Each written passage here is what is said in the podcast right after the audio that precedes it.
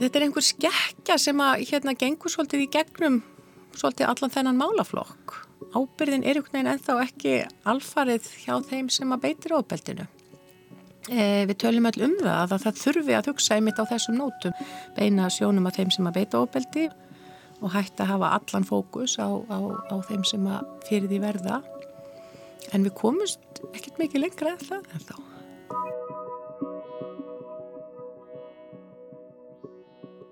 Komiði sæl, þetta er fjörðið þáttur af kverkatæki, þáttaröðu með heimilisofbildi.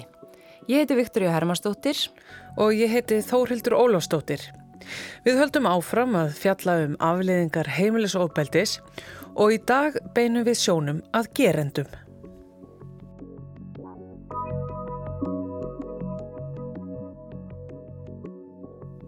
Á bakvið hvert þólanda er gerandi og með sem margir þólendur heimilisofbildis eru þá ættu gerendurnir, þeir sem beita heimilsopildi, að vera í hundraðatali á Íslandi. Flest okkar þekkja eitthvað sem hefur verið beittur heimilsopildi eða hefur beitt í. Kanski vitum við ekki af því, en törurna sín okkur að það er ólíklegt að við þekkjum engan. Í fyrrið þáttum kverkatags höfum við meðal annars rætt um ímsar leiðir og úrræði sem standa þólendum og aðstatendum heimilsopildis til bóða.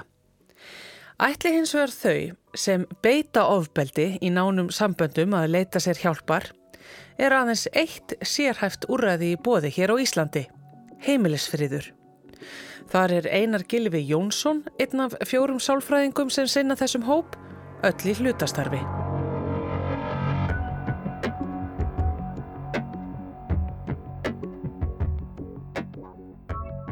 Þeir sem koma til okkar eru þeir sem telja að ofbeldið þeirra sé vandamál sem þeir eru einhvern veginn að leysa og taka ábyrð á. Mm. Það getur verið að svo ábyrð sem þeir eru upplýfið í byrjun sem er mjög miklu fyrirvara. Ég veit að ég á ekki að gera svona en þú ætlar að vita hvernig hún getur látið. Mm. Sýnsett svona, ég tek alveg 60% ábyrð á þessu eða eitthvað slíkt og það er í mitt eitt að það sem er svo mikið og þess vegna völdu við þetta nafn kalla til ábyrðar í byrjun að það að taka 100% ábyrð og hegðun sinni er líkitinn að lausninni. Og eitt af því sem að einkennir þá sem leita aðstóðar er að þeir eru mjög óöryggir í að setja mörg, þeir eru mjög óöryggir í að tjá tilfinningar sínar og þeir hafa ákveða tilhengu til að beina öllum neikvæðum tilfinningum í sama jarðveg, þar að segja reyði.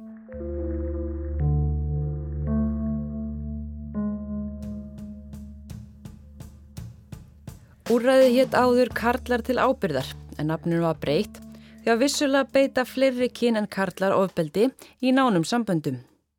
Nú sækja gerendur, bæði karlkins og kvenkins, þar hjálp og einspýst mögum þeirra sjöð þau í sambandi viðtal. En áður en við höldum áfram og rínum í hvernig meðferðin hjá heimilisfriði fer fram, skulum við staldra aðeins við. Hvaða ímynd hefur þú, hlustandi góður, af mannesku sem beitir heimilisofbeldi? Erstu kannski að sjá fyrir þér einhvern kall, kannski fullan eða í neyslu, í kvítum hlýraból sem hefur orðið undir í lífinu? Varpaði öllum þessum hugmyndum og fordómum fyrir róða. Það er ekki til einhver erketýpa gerenda. Eða þólenda ef því er að skipta. Eða barnana sem eru inn á heimilinu og aðstatenda þeirra allra. Málið er að þetta er allt saman alls konar fólk. Heimilisofbildi spyr nefnilega ekki um uppruna, stjættiða stöðu. Þetta eru konur og karlar og allt þar á milli. Þetta eru nágrannaðinir og samstagsfólk. Þetta eru vinir og félagar. Fjölskyttaði nær og fjær. Þetta er þú og ég. Alls konar fólk segir við og höfum síðan í þessum þáttum bara talað við kvennkins þólendur heimilisofbildis. Emmitt, en karlar þeir verða líka fyrir heimilisofbildi. Já. Það er faldar á vandamál, það er líka að tala að þeir séu oftar byttir andlegu ofbeldi sem er, eins og hefur komið fram í þessum þáttum, afskaplega lúmst og órætt oft. En afleðingarnar af því eru mjög alvarlegar. Já, það er flókið að lýsa andlegu ofbeldi og, og erfitt að tala um það. Og karlar eiga stundum erfitt með að tala um svona hluti, ekki satt? Já, kallmenn þeir tala ekkit endur um svona hluti og kannski ekki sérstaklega í fjölmunum heldur. Auðvitað er heilt yfir ekki auðvelt fyrir þólendur heimilisofbildis að opna sig um þessi mál óttinn við fordóma og verið ekki trúa eða eitthvað sem að, já, allir þólendur þekkja. Já, en það hefur verið að breytast og það hefur líka skipt máli, haft áhrif á samfélagsumræðuna og viðhorf okkar allra til málaflokksins. Fyrir utan það að það getur verið afar valdeflandi og reynlega reynsandi að tala. Já. Það eru aðalega samt konur sem hafa dreyið vagnin, þær hafa aflétt þöggunum um þólundur heimilisopildis og við höfum heyrt það í þessum þáttum. Þannig kemur ímislegt inn í eflaust. Við sjáum þetta svo víða í samfélaginu, kalla ræða ekki um tilfinningar sínar. Það er rætt um skadlega kallmennsku, íþingjandi kallmennsku ímyndir og kröfur á að karlar séu alltaf svo harðir og duglegir. Já, þetta hefur líka alveglegar afleðingar bæði fyrir karlmennina sjálfa og, og líklega aðra í kringum þá. Það er ekki nóg gott að karlar tala ekki um hlutina, leiti sér ekki hjálpar og það er breytinga þörf í þessum efnum. En á móti kemur að er frásegnir sem við hýrt í þessum þáttum, er byggja á reynslu fólks sem þekkir heimilsóbildi. Og reynsla þeirra tengist og ímislegt sammert með reynslu annara, hvers kynn sem þeir svo sem eru. Konur og karlar eiga margt samægilegt og líklega er oftar en ekki fleira líkt en ólíkt við þær aðstæður sem kynin takast á við. Líka er viðkjumur heimilisofbildi. Við erum jú öll manneskur og við byggjum sama samfélagið. En þó heimilisofbildi sé algengt og allstaðar, þá eru margir hópar sem falla millir skips og bryggju og þeir sem starfa innan málaflokksins gera sér vel grein fyrir því, segir Sigþrúður Guðmundsdóttir hjá Kvennaatkvarfinu. Við þurfum auðvitað til dæmis að vita meira um ofbeldi gegn körlum á Íslandi, ég held við vitum bara afskaplega lítið um það fyrirbæri og hérna um tíðni og, og, og hvað, hvað má hjálpa í, í, í hérna þeim tilfellum. Varðandi hérna hins einn hópin þá held ég að það sé svolítið það sama við, við, til dæmis við sem veitum þjónustu. Ég er ekki alveg vissum að við séum alveg með, vel með á nótunum hvernig við nálgumst þann hóp og, og hérna sérstöðu þess hóps. Ég held að það þurfi líka bara að hugsa um, um aldraðar konur og fallaðar konur og alls konar konur og alls konar fólk. Já, en ég held við megum samt ekki heldur missa kynja vingilinn. Hérna, hvenna atkvarfið verður alltaf hvenna? Ég held að hvenna atkvarfið verður alltaf hvenna atkvarfið, já. En hins vegar segi ég við, við þá fjölmörgu karlmenn sem hafa samband við mig og skama mig fyrir að reyka bara hvenna atkvarfið en ekki karla atkvarfið. Ég myndi svo sannlega fagna því að, að til dæmis karlar tækju höndum saman og stopnuðu samtöku og, og huguðu í alvöru á því að, að, að sinna þessum hóp. Því að það eru mentat og við heyrum í fáumstundum síndum frá mönnum sem búa við skelvilegar aðstæður en hins vegar held ég líka að einmitt það séu mörg önnur vandamál sem að, sem að megi huga hjá Karlum. Til dæmis hitt ég einsunni mann frá Lettlandi minni mig sem að rak svona hérna atkvar fyrir Karla í Lettlandi sem var opnað uppálega fyrir heimilsópildis þólandur, Karlkins, en hann sagði að það var alltaf fullt en það var svo sem ekkit endilega fullt af, af karlmennu sem voru að flýja heimilsópildi en karlum sem voru úr hræðilegum aðstæðum til dæmis mistu, mistu heimili sín við skilnað eða sem sagt konan og börni byggur þar áfram, mistu svo tengsli börni sín og mistu svo einhvern veginn félagslegu tengslinn og, og hérna allt fór niður og við í lífinu þeirra og þeir voru kominir í mjög mikla krísu en ekki, ekki endilega vegna heimilisofbeldis. Lenda bara vondum stað og kunni ekki að leita sér hjálpar og kunni ekki að rækta tengsl er þá komnir í, í, í glætur.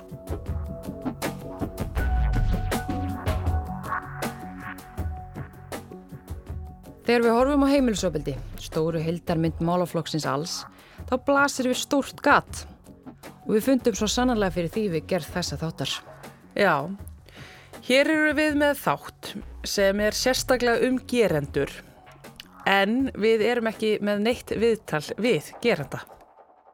Í fyrir þáttum hverkatags höfum við skoðað aðstæður fólks frá hinnum ímsu hliðum heimilsopildis og rættu þau sem hafa upplegað að vera inn í aðstæðanum miðjum. En það vantar eina mannesku sem er líka þarna í þessum sömu aðstæðum, manneskuna sem reyðir til högs, svo sem beitir ofbeldi. Og nei, við erum ekki með viðtal við hana og við reyndum virkilega mikið að hafa upp á þessum viðmælanda. Ykkurinn sem hefur beitt ofbeldi í nánu sambandi, leita sem meðferðar og gengist við ábyrð, ykkur sem geti líst tilfinningum sínum og upplifunum. En leitin bara engan árangur og það segir okkur kannski ímislegt um stöðu mála. Ég meina, auðvitað, ef maður spáur í það, gerendur hljóta að vera hrættir við fordóma að vera útmálu sem skrýmsli auðvitað vill lengi vera þekktur fyrir að beita ofbeldi. Og svo er náttúrulega spurningin um hvort gerendur megi eiga sér rödd. Þólendur eru fyrst núna að þóra að tala, segja hlutina upphátt og enn er samt mjög langt í land í þeim efnum eins og við komum inn á áðan. Já, og svo finnst eflust einhver um að þeir sem beittu ofbeldinu eigi ekki derund upp á svið. Ofbeldisverknarum verður jú aldrei tekinn tilbaka og afleðingarna sem hann hafði aðra. Það gæti líka aukið á sársökan að heyra gerendur lýsa sinni hlið. Eiga þeir sér líka einhver á málsvara? Það er spurning. En það lítur samt að vera mikilvægt að tala um allt sem viðkemur heimilsópildi, líka hlið gerenda. Það hjálpar öruglega að vita hvaðan þeir koma, hvers vegna þeir bregðast við með ofbeldi og ekki hvað síst hvað þarf til þess að þeir hætti því. Eða þeir geta það hætti. Já. Takist það, þá er til dæmis mögulega hægt að brjóta upp ákveðu minnstur sem viðmælendur okkar í fyrir þáttum hafa líst. Minnstur, þar sem menn eða konur, gerendur í ofbeldissambundum, fari önnur sambund og halda uppteknum hætti.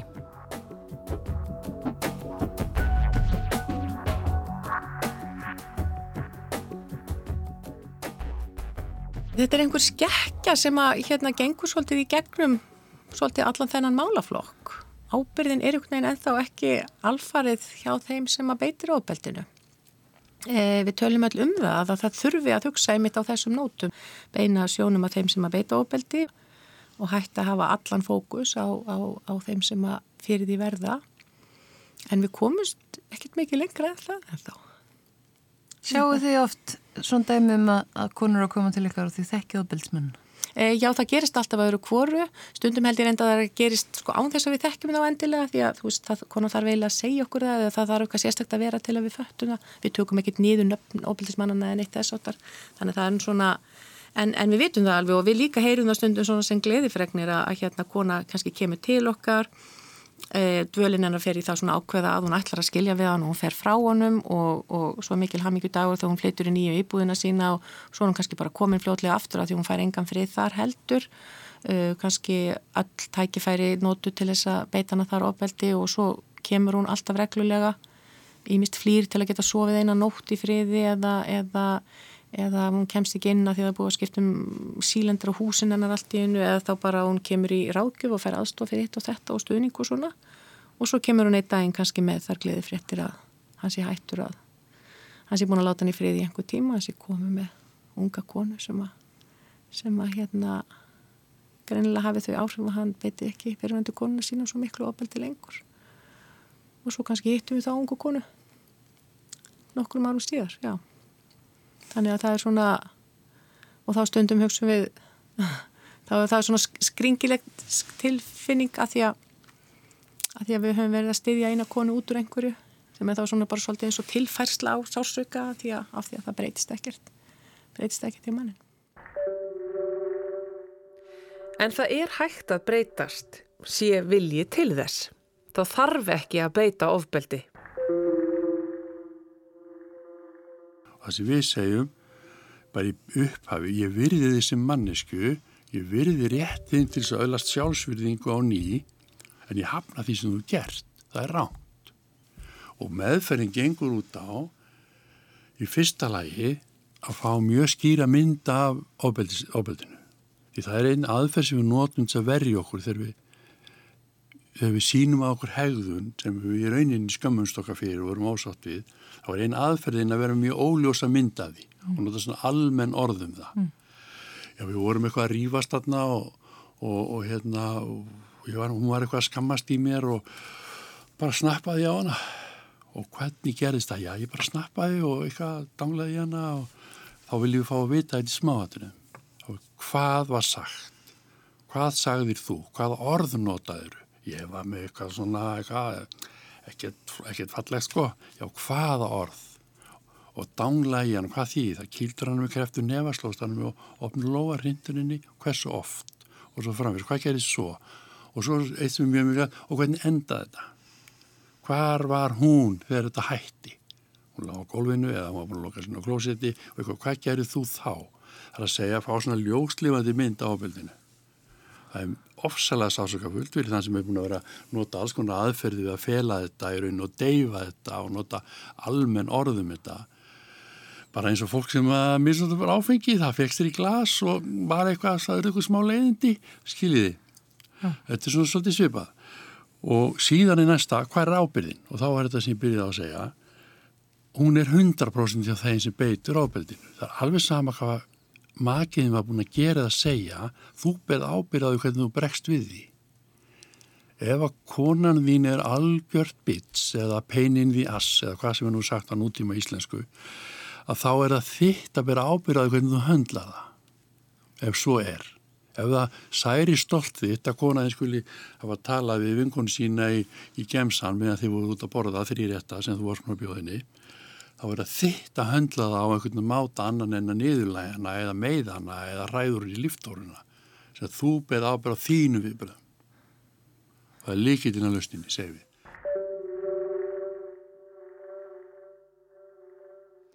En hverjir eru það sem leita sér hjálpar? Fyrir það fyrsta, allt og fáir. Hjá mörgum hefur aðdraðandin verið langur og skadalegur öðrum. Einar Gilvi segir flesta þeirra sem sækja meðfett til heimilsfríðar gera það því þeir vilja bæta sambandsitt við maka og eða börn að þeim hafi jafnvel verið settir afarkostir af sínu nánustu.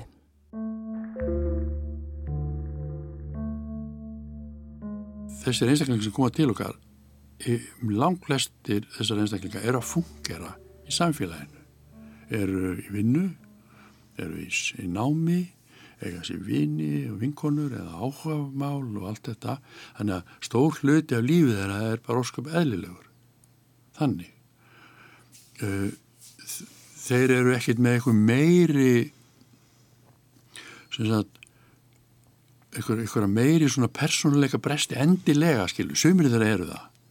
Heldur en bara, já, eitthvað festnið af þjófélaginu. Það sem þeir gera er að þeir, þeir, þeir beita, þeir, þeir nota þá aðferð að taka völd í aðstæðum, kúa fólk, annarkort með, með hérna, líkamlega ofbeldi, andlega ofbeldi eða félagslega ofbeldi, einhvers konar hótunum, þeir snúa óta sínum óveriki í, í, í, í árás og reyði. Þetta er mjög skadlegt, en þetta er alls konar fólk það er að segja þeir sem koma til okkar og leta sér aðstofar. Þeir sem ekki koma til okkar, sumir þeirra eru einstaklingar sem að eru með mjög skekta mynd almennt af bara mannlegu samneiti og, og mannlegu samfélagi og, og hérna, stöðu kynjana og, og svo framvegis og eiga í vítækari vanda. Þessir einstaklingar er ekki það endilega. Sem þeir eru með eitthvað að þessu en þeir eru allavegna með þetta. Þeir fór samvinskupiti við því að hafa sært eitthvað og meitt eitthvað og heita sér í hvert sín þetta skal aldrei koma fyrir aftur.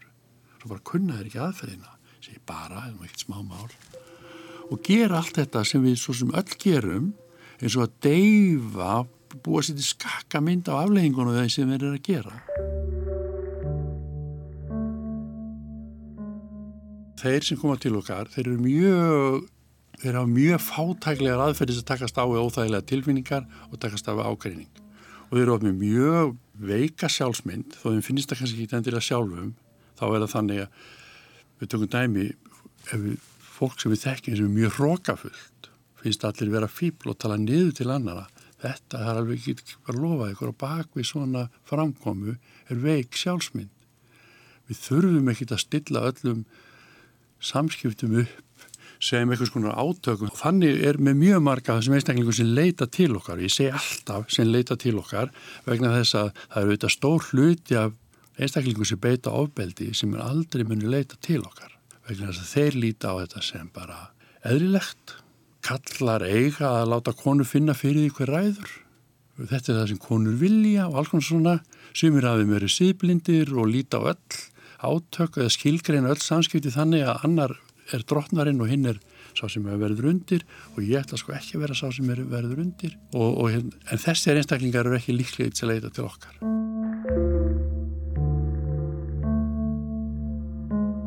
Fyrir utan einar og hinn þrjú sem starfa í heimilsfriði á takmörkuðum fjárlögum sem ná frá ári til árs eru fáir sem þekkja mikið til gerenda, stöðu þeirra, líðan, aðstæðina og hvernig koma eigi til mótsvið á með úræði. En fræðimenn eru þó farnir að rannsaka þennan hóp betur. Guðrún Kristinsdóttir, prófessor við Háskóli Íslands, er á samt Jóni Yngvari Kjaran og Katrinu Ólafstóttur að vinnaða rannsók, þeirri fyrstu sinna tegundar hér á landi, þar sem ofbeldi í nánum samböndum er skoð út frá sjónarhóli þeirra sem beita ofbeldinu. Og sem betur fyrir að hafa gerundur ekki forðast fræðimennina eins og okkur fjölmjölafólkið. Við erum sérst á, á byrjunumstíði með þessa rannsók. Hún snýst um það að rannsaka ofbeldi í nánu samböndum út frá sjónarhóli þeirra sem beita ofbeldinu og með sérstakri eh, vísan á kallmennsku og kalla sem beita ofbeldi. Við höfum rætt við uh, kalla á aldrinum 30-40 ára sem allir voru fjölskylda feður þegar við töluðum við þá. Þeir uh, sagt, eiga það sameigilegt að hafa allir beitt ofbeldi á, á heimilinu og maka sína ofbeldi eða sem að í flestum tilfellum eru þá sambúðar aðilar eða, eða, eða einkonur. Það blasir við að nokkrir þeirra allavega hafa allir stuppið talsveit mikla erfileika, ekki alveg allir samt. Lífið þeirra hefur verið ansið töff, svo ég sletti nú aðeins, Þeir náttúrulega hafa verið að sækja sér meðferð vegna þess að það hefur verið augljóst bæði fyrir, ja, þeirra, fyrir þeirra nánustu til dæmis að þeir hafa verið að beita ofbeldi. Þeir eru líka að sækja sér aðstof vegna þess að þeir eru hættir um að missa sambandi við börnin. Það er líka mjög mikilvægur þáttur og það þekki við úr ellendum rannsóknum. Uh, því að hérna, það verður gerðar svipað rannsóknir ellendis og, og þar verðist kvatin að því að sækja sér meðferð vera mjög mikið að, að missa ekki tengslinn við börnin sín. Þessi hópur, þeir sem að beita heimilsóbildi, mm. hann hefur ekkert verið sérstaklega mikið rannsakaður hér á landi? Nei, það er rétt, hann hefur ekki verið mikið rannsakaður og það er náttúrulega mjög uh, nöðsilegt að skoða þessa heldar mynd og það er fjöldættu ástæðu sem að liggja baki þessu ofbeldi. Og það munum við gera í þessari rannsókn. Og þetta, þetta með viðtölun er fyrsta skrefið. Og við ætlum meðal annars að, að skoða fjölmiðla um fjöllun. Uh, og, og, og skoða sagt, hvaða mynd er það sem er dreyin upp að þessum kallum og meðal annars þá getum við sagt skrimslavæðingu sem að það er í, í gangi. Uh, annars vegar og svo hins vegar þá mynd sem kemur í gegnum allar þessar reynslu frásagnir sem er alltaf að byrstast í fjölmiðlum. Þannig að þannig viljum við reyna að fá dýpri skilning og, og, á, á, á þessum samfélagslega aðstæðum. Mm. Þannig að við erum að, að tala við kallmenn sem að hafa sínt vilja í að bæta sig. Og það er, er líka mjög mikilvægt að draga það fram að, að það eru kallar sem vilja, sem er að beita ofbeldi, sem vilja laga hlutina.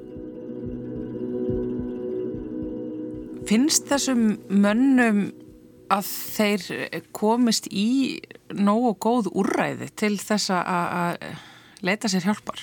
Þið tala náttúrulega um það, eru með þessa gaggríni eins og til dæmis að þeir hafa ekki fengið hjálp, viðunandi hjálp, þeir eru krakkar, þeir sem þurft á því að halda.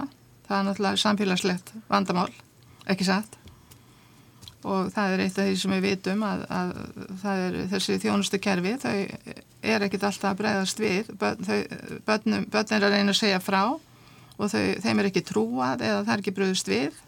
Þessir kallar sem við höfum talað við, þeir hafa ímyndst uh, farið í uh, áfengis- og výmöfna meðferð eða í fjölskylduráðgjöf eða hjónabansráðgjöf og uh, þeir sem hafa leitað uh, í þessa sértæka, eða eina sértæka úræði sem er nú til hér á landi sem er kallað heimilisfriður. Þeir eru mjög ánaði með þá aðstóð sem þeir hafa fengið þar. Og það er alveg stendur upp úr í, í þeirra lýsingum hvað þeir eru ánaðir og við náttúrulega þurfum að vika þetta út og bæta og auka þessi úræði og það hefur líka sínt sig ellendis að, að þessi úræði eru að, að það, til dæmis í Finnlandi og í, í Breitlandi það eru nokkra, nokkra rannsóknir sem snúa að, að þessu uh, þessari meðferð og hún virðist þeirra skila árangri. Þannig að þannig að þurfum að taka okkur takk Guðrún segir rannsóknuna fylla upp í eyður er viðkoma skilningi okkar á heimilisofbeldi Viðtölinn varpa ljósi á líðan og aðstæður þeirra sem beita ofbeldi. hver personuleg upplifun gerandana sjálfra er á vandanum.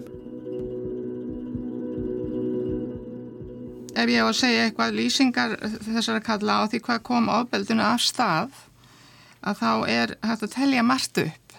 Það er e, varandi eigin aðstæður, til dæmis er það vinnu leiði, leiði á þeirri vinnu sem þeirra hafa verið í, þar sem þeir komast ekki einhvern veginn áfram í atvinnulífunu. E, vinnu, mikið vinnu álag sem að tengist, e, getur maður sagt, kallmennsku hugtakinu. Meðalans ásaganir hvennana um að þeir sé ekki nógu góðu skaffarar eða bara eigin kröfur þeirra að þeir lifa ekki upp, upp til. Þeirra krafna sem þeir gera sér sjálfur hafa verið að vinna rosalega mikið Nú nokkur er að hafa greinilega átt í heilmiklu erfileikum þegar þú eru krakkar námserfileikum eða laður í einelti og það er náttúrulega jákvæðu punktur fyrir þess að kalla þeir eru búin að fatta það að þeir eru að gera eitthvað í sínum málum mm. og eru búin að gera heilmikið í sínum málum Ef við snúum okkur að þessu ofbeldi sem þeir beita og, og, og um, og svona ástæðum þess þeir lýsir svo út frá eigin sjónarhóli hvernig kemur það fyrir? Þeir eru yfirleitt búin að skilja að, að þeir að vera að beita þeir lýsa náttúrulega alls konar ofbeldi bæði líkamli og andli en þeir eru yfirleitt búin að skilja það að þeir hafa verið að beita andli og ofbeldi. Eru búin að í raun og vera átt að segja á því að margt í þeirra hegðun hefur verið andlit ofbeldi en svo náttúrulega blasir við að þeir hafa sömur líka verið að beita líkamli ofbeldi. Já, það eru hótanir, sparka í uh, konunar, eidilegja hluti, nota svipriði eins og stara uh, eða augnaráð, rjúka upp í reyði eða eins og eitt segir, ég var náttúrulega var bara eins og óbyrslaður hestur. Þannig að þeir eru mjög mikið að tala um það að þeir hafi núna líka lært í þeirri meðferð sem þeir hafa farið, þá hafa þeir lært reyðistjórnum það, það er svona útskýringar sem við höfum fengið upp úr þessum örfá viðtölum það er, eru mjög keimlíkar uh, útskýringum sem hafa komið fram í öðrum rannsóknum. Það eru svona afsaganir þeir eru að segja frá sagt, hvers vegna hvað kom ábeldina stað. Það eru réttlætingar uh, það er segja, og það er til dæmis að segjast ekki muna eftir því hvernig þetta var.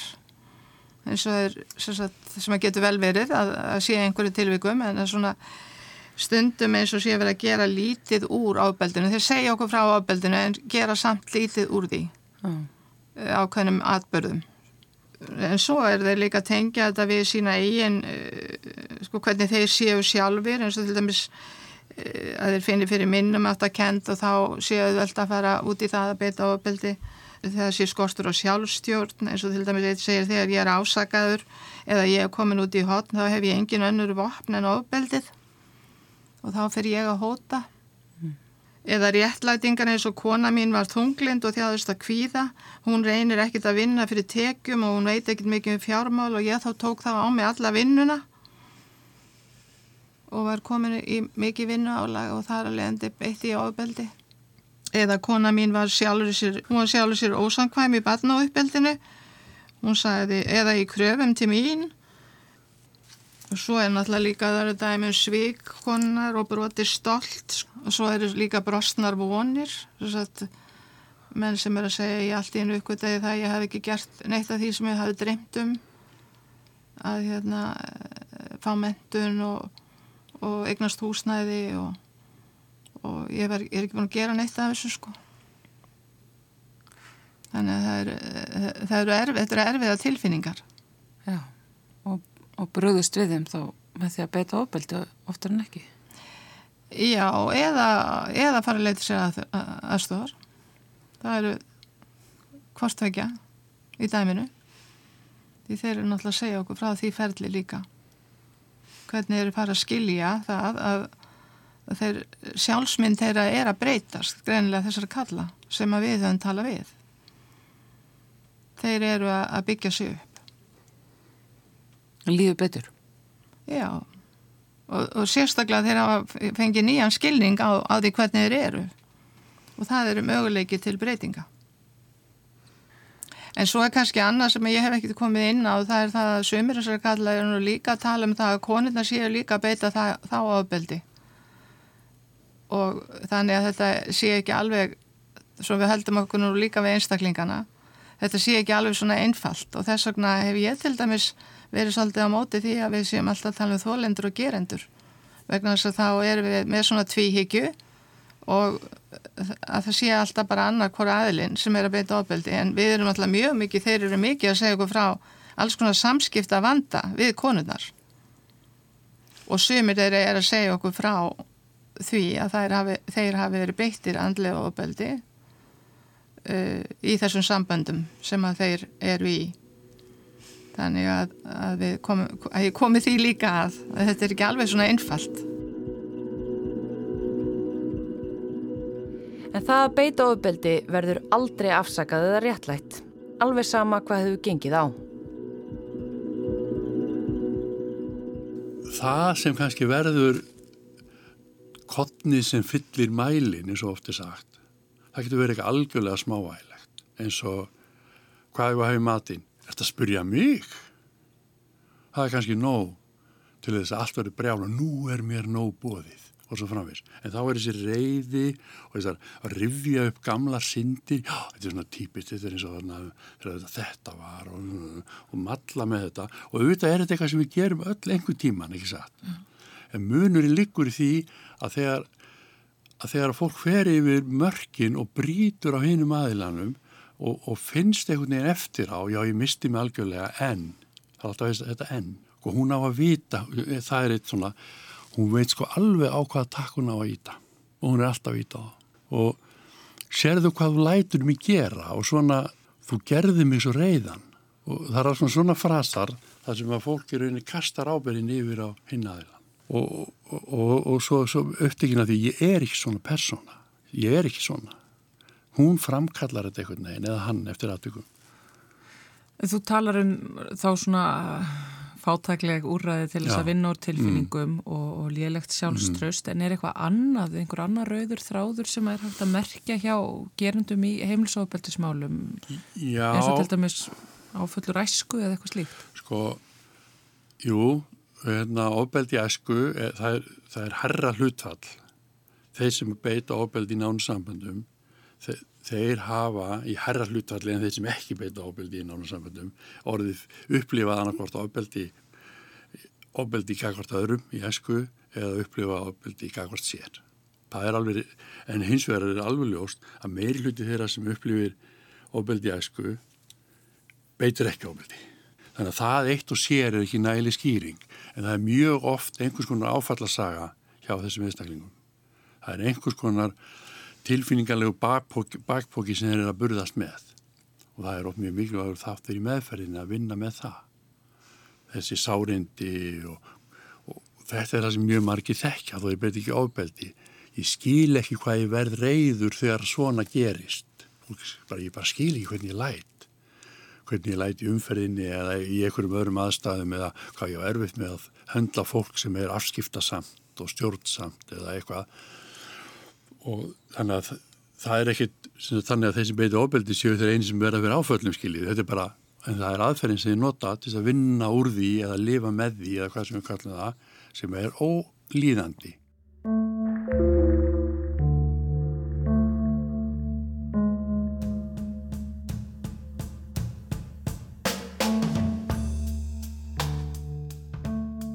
En hvað segja þólendurnir sjálfur?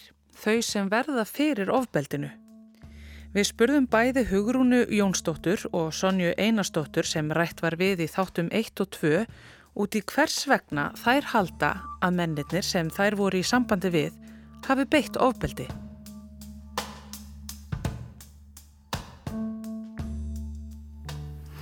Þetta er góð spurning.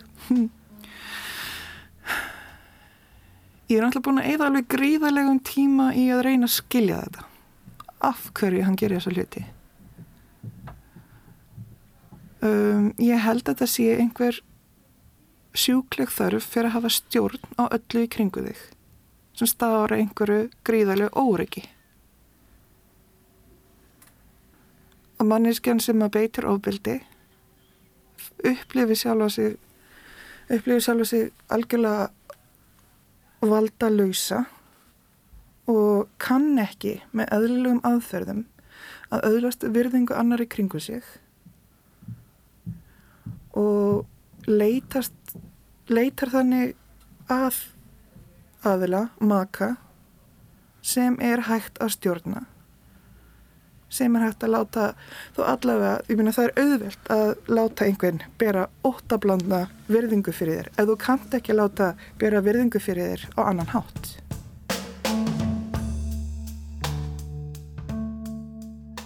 Sonja, áhverju heldur þú að, þinn fyrirvænandi hafi gripið til ofbeldis og, og beitt ofbeldi? Sko, mér finnst þessi spurning, mér finnst hún rosalega, hérna, já, hún er mjög stór og, og erfitt að svara því að þetta er auðvitað kannski frekar hans að svara en ef ég ætti, hérna, kannski eitt svar, eða já nokkur, á fyrst og fremst er þetta bara algjör reyðistjórnun. Hann hafði enga stjórn á sinni reyði. Um, það var kannski margt í æsku sem hann upplifiði sem kannski ekkit batnátt að upplifa en, en þar með sagt er það ekki á það ekki að vera neina ástæði fyrir því að hann beiti hérna mig bæði andlu og líkamlega ofbeldi en og, og því þar kemur reyðustjórnin inn og við rættum þetta stundum eftir á, daginn eftir eða eitthvað og, og, og ég baða hann um að leita sér hjálpar. En hann var ekki til í það. Af því að hérna, hann var alltaf komið inn á þetta, þá var einhvern veginn búið að færa ástæður ábyldisins yfir á mig. Ég fór til hægri þegar ég átti að fara til vinstri eða öfugt, þú veist, Já, henni minnstu hlutir voru, var að reyður yfir og ég hef bara ekki svar við þessu. Bara nefnað að, að hérna bara einhver reyði inn í honum sem hann bara hafði ekki stjórna og let nefana eða lófan eða orðin bara dinja á mér.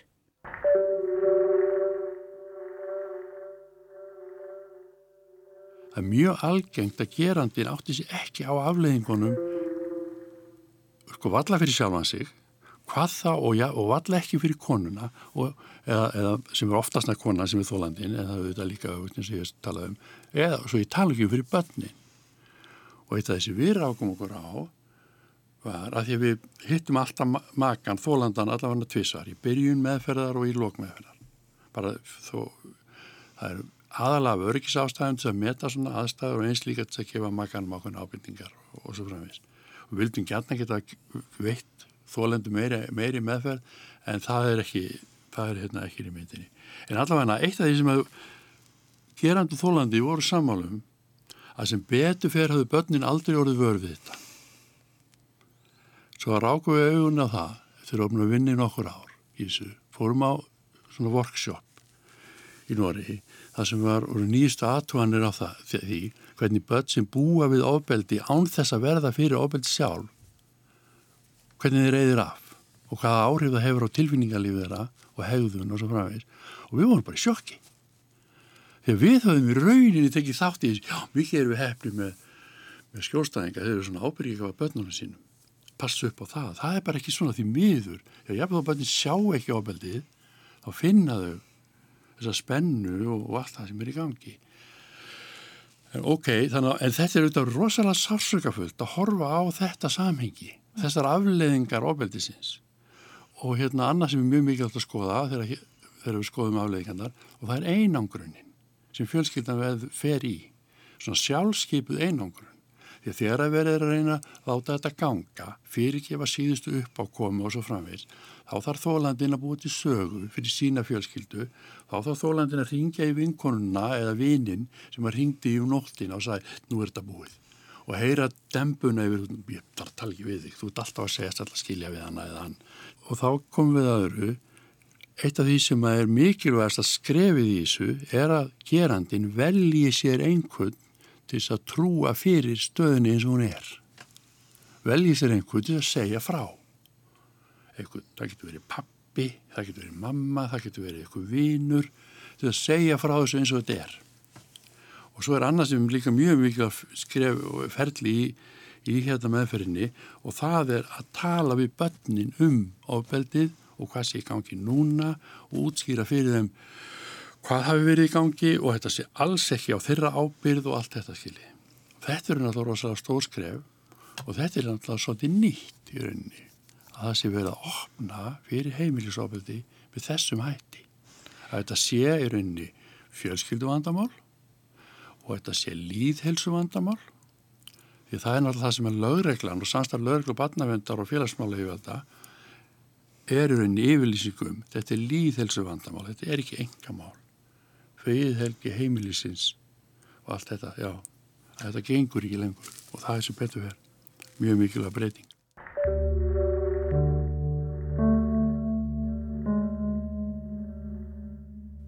En hversu góður árangur er af þessari meðferð fyrir fólk sem beitir heimilisofbeldi? Já, árangurinn á okkar meðferð er mjög, mjög jákvæður. Það hefur verið mælt með því að tala við einstaklinga, þá voru reynda þá eindómi karla sem voru gerendur og eindómi konu sem voru makar og tala við þá sem höfðu verið í meðferð og vildu svara og maka þeirra sem höfðu komið til okkar í viðtöl. Og niðurstaðan er svo að það verður mjög mikil breyting, mest verður breyting í varandi líkanleitofbeldi. Það verður alveg mjög mikil breyting en ekki eins stóru og mikil líkanleitofbeldi varandi andleitofbeldi. Það verður líka mjög mikil breyting varandi kynferðisleitofbeldi en það er til dæmis talveg misræma millir þess sem gerandin og þólandin upplifa. Og þetta er svona vísmendingum og þetta, þetta staðfestir ansóknir annar staða frá að konur upplifa ímislegt sem óþægilegt eða ágengt eða misbjóða sér varandi kynlíf sem kallar átt að sé yfirlega ekki á. Þannig að það er eitt af þessu. En það sem er kannski skiptir ekki síðunmáli er að báðir aðilar tala um að sé mjög mikil aukin lífskeiði og sé mjög betri samskipti og sé betri samskipti við börnin föðu hlutverkinu sé sinn betur. Þannig að það eru svona mjög jákvæðir þættir sem kom út úr þessu. Og þá er þess að gæta, þetta eru einstaklingar sem komum að fúsum og frjálsum vilja.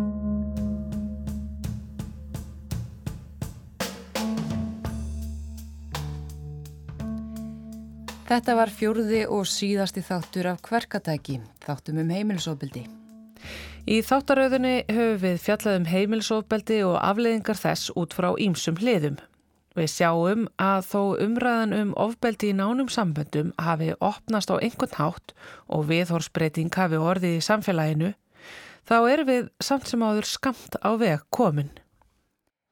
Fyrir það fyrsta verist fólk almennt ekki gefa þessu málaflokki mikinn gaum, heldur hreinlega að þetta sé bara vandamál einhverju annara.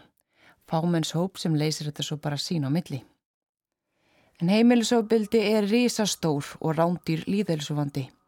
Heimilsofbildi er mannréttindabrót sem eðilegu líf fjöldamargra og hefur afleitar afleiðingar á okkur öll. Í öðru lagi er enn ótrúlega margt sem við vitum ekki um heimilsofbildi. Það eru margar hliðar á vandanum ókannaðar eins og sérstaða ákveðin að hópa. Erlendar konur sem þólendur, Karlar sem þólendur, falla fólk, hins egin fólk já og svo gerendunir. og börnin sem eru inn á heimilunum, varnar og valdalaus. Þetta er almennt vandamál með fullt af sértækum hliðum sem þarf að skoða sérstaklega. Og í þriða lagi virðast viðmálendur samála um að kerfið vinni að mörguleiti gegn þólendum og þar sé víða breytinga þörf. Eins og heyra má er löng leið framundan. Til að komast á leiðarenda þarf margt að koma saman. Við sem samfélag þurfum að standa saman. Vegna þess að saman getum við losa um hverkatækið og náð andanum. Ég heiti Þórhildur Ólafsdóttir, Og ég heiti Viktoria Hermannsdóttir. Úlfildur Eistensdóttir sá um hljóðsetningu. Þættirnir eru aðgengilegir spilararúf og á hlaðvarpinu. Takk fyrir að hlusta.